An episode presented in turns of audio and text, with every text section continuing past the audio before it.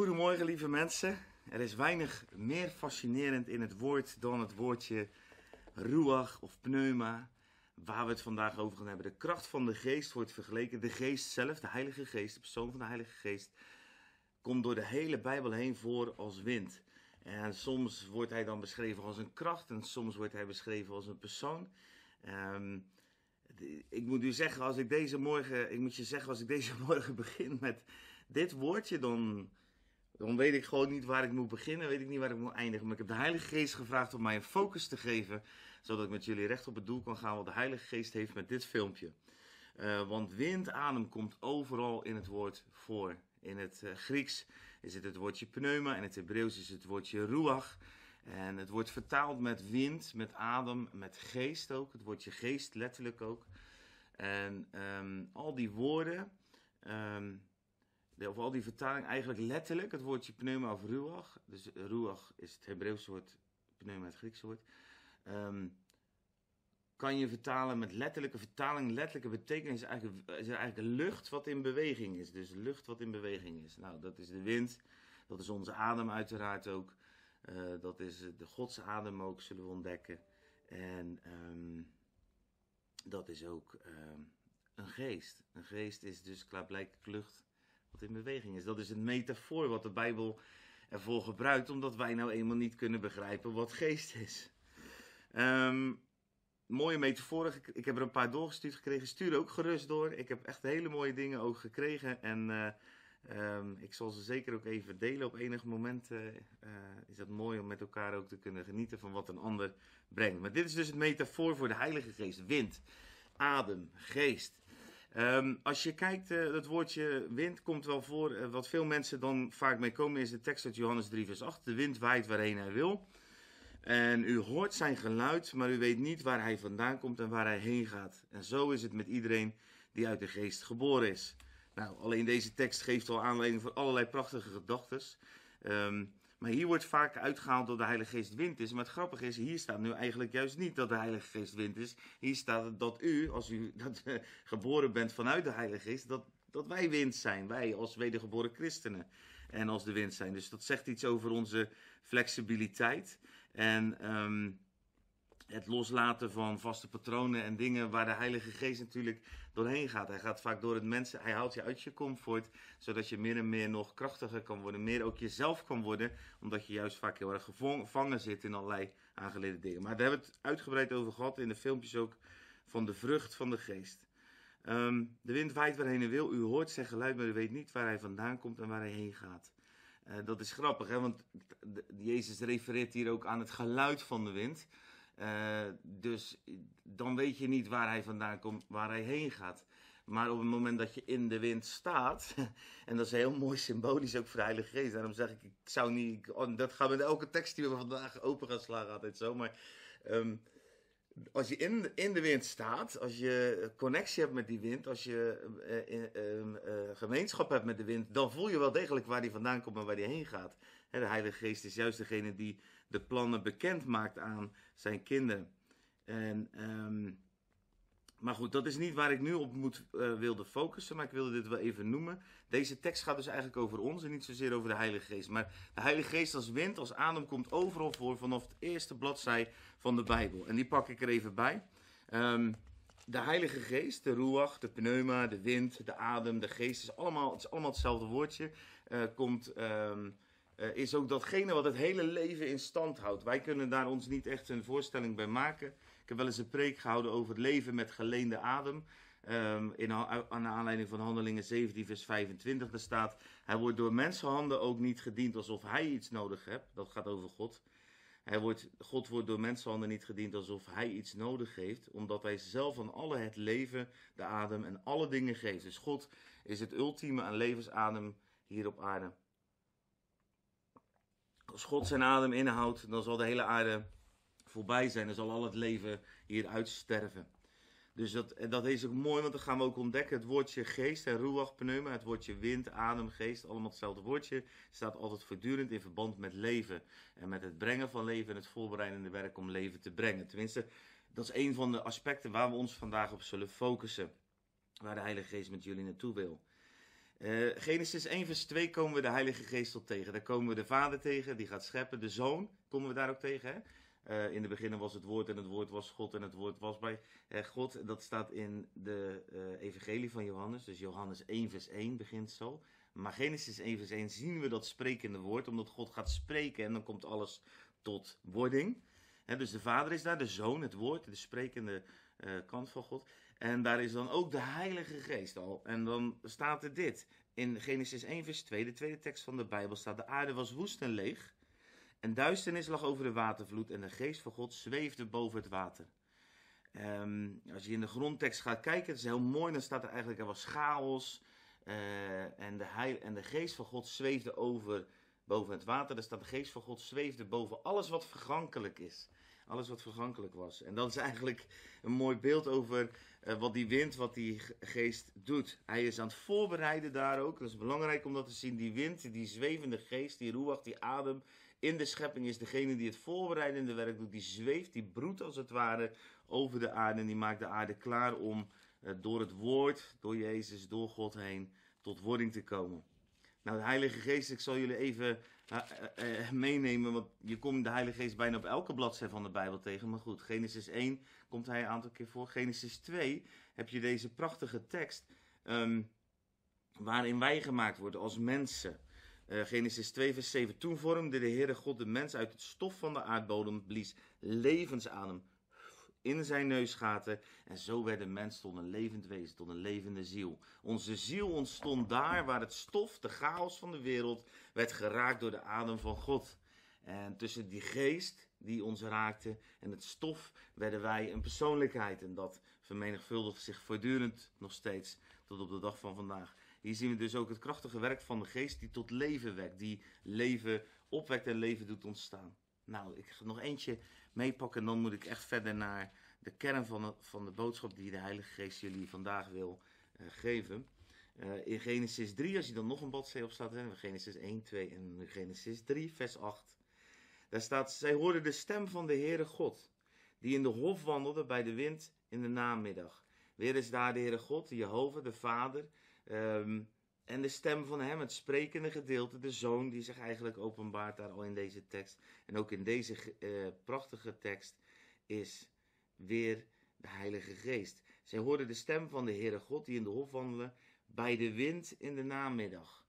Dus daar in, die, in, dat, in dat paradijs was dus al een moment dat de wind in de namiddag opstak. En dat was ook het moment dat God ging spreken. Het is eigenlijk nooit veranderd. Dat klopt ook, want kijk, God heeft alles vernieuwd. En iets wat vernieuwd wordt, betekent dat het herleeft, dat het opnieuw tot wording komt zoals het bedoeld is. Dus toen het werk van Jezus volbracht was aan het kruis en de Heilige Geest kwam in Handelingen 2, is eigenlijk de scheppingsorde weer hersteld. Dan kunnen we als het ware weer, net als het Adam en even in het paradijs, wandelen in de wind door die connectie met de Heilige Geest die ons eh, het, het spreken van Jezus openbaart. En het spreken van Jezus openbaart het hart van de Vader. Dus we zijn terug bij af. En dat is maar goed ook. Dat is het mooiste plek waar we zijn. Hoewel Genesis 3 vers 8 wel na de zondeval valt. Maar het geeft een inkijkje ook in hoe het daarvoor was. Want zo was het telkens gegaan. Dat kunnen we daaruit opmaken. Nou, ik, terug naar die focus. Terug naar die heilige geest. Die dingen, die wind en die adem en dat levengevende van de heilige geest. Want daar heeft het alles mee te maken. Als we het hebben over het metafoor van de wind.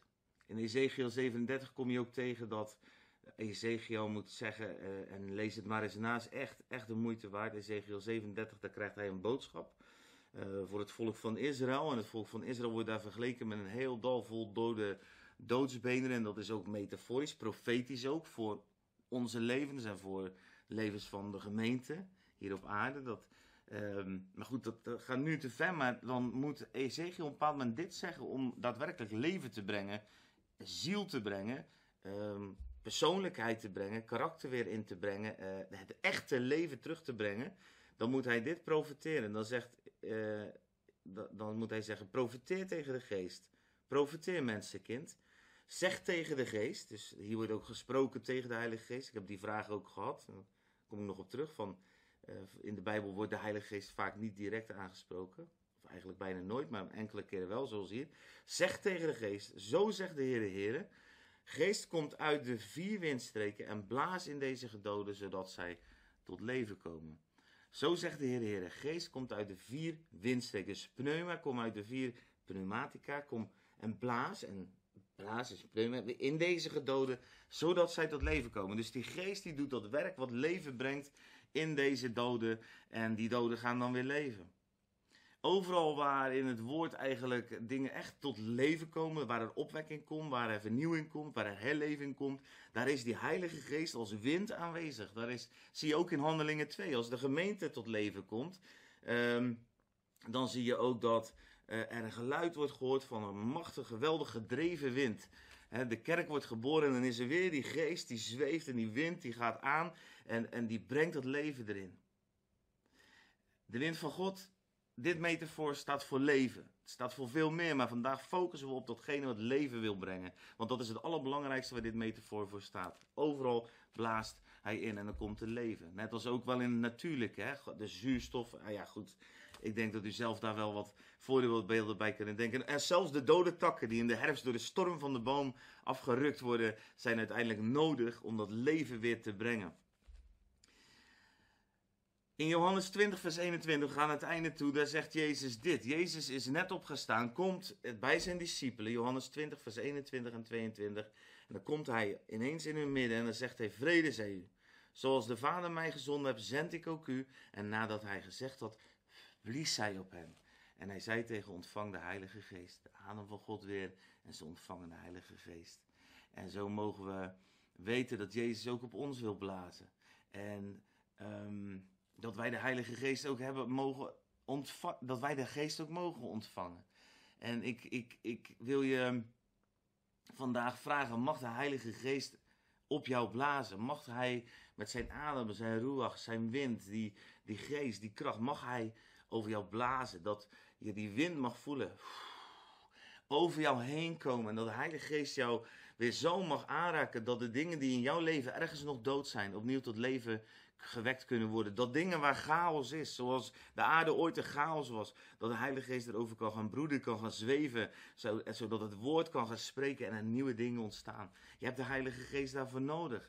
Dat, dat Hij als een storm mag zijn die het dode hout van je leven afrukt. Dat Hij als een wervelwind mag zijn die het stof van je afblaast.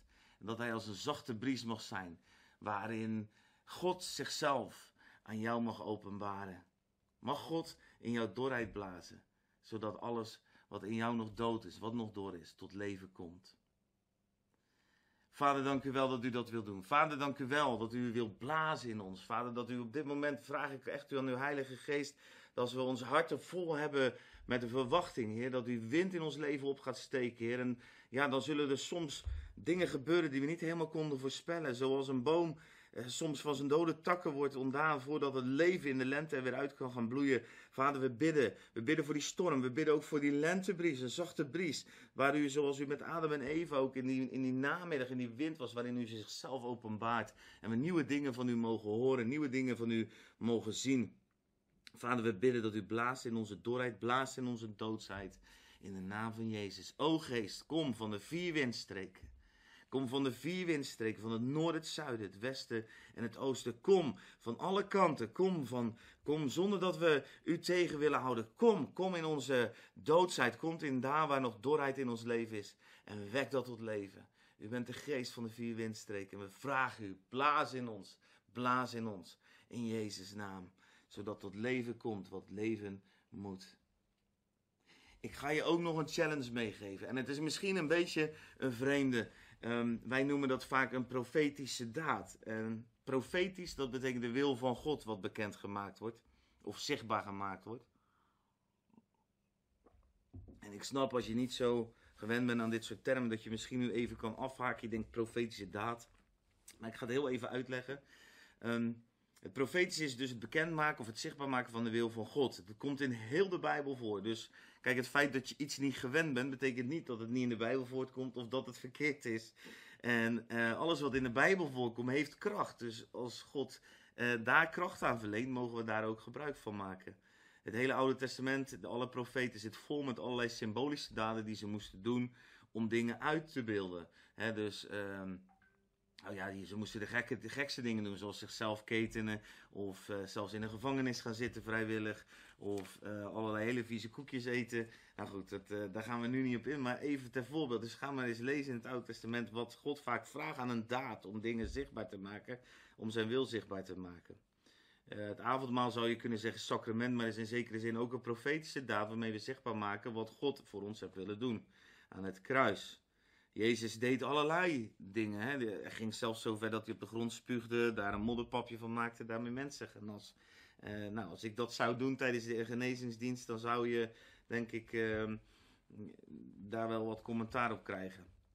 Hoewel ik ook wel eens dingen doe als de Heilige Geest me zegt waar ik wat commentaar op kan krijgen. Maar goed, dat, daarvoor, daarvoor zijn we ook als de wind. Hè. We mogen onder gehoorzaamheid aan God is onze grootste vreugde. Dus, en ik hou van, van vreugde.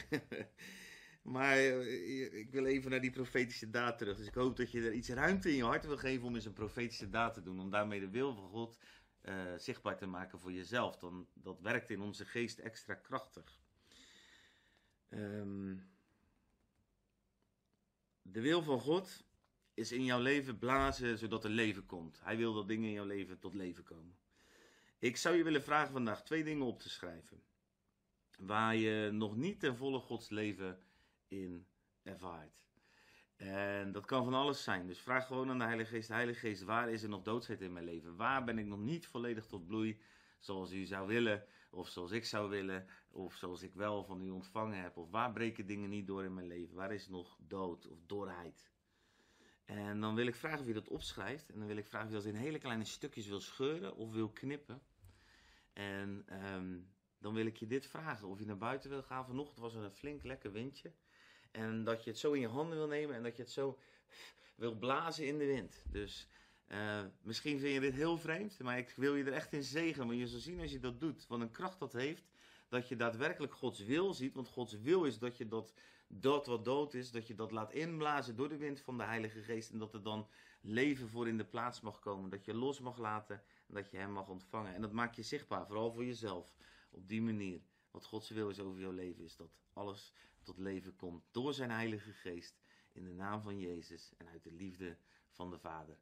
Ik zegen je voor deze dag. Hij blaast op jou. Ontvang zijn kracht in Jezus' naam. Amen. En tot morgen.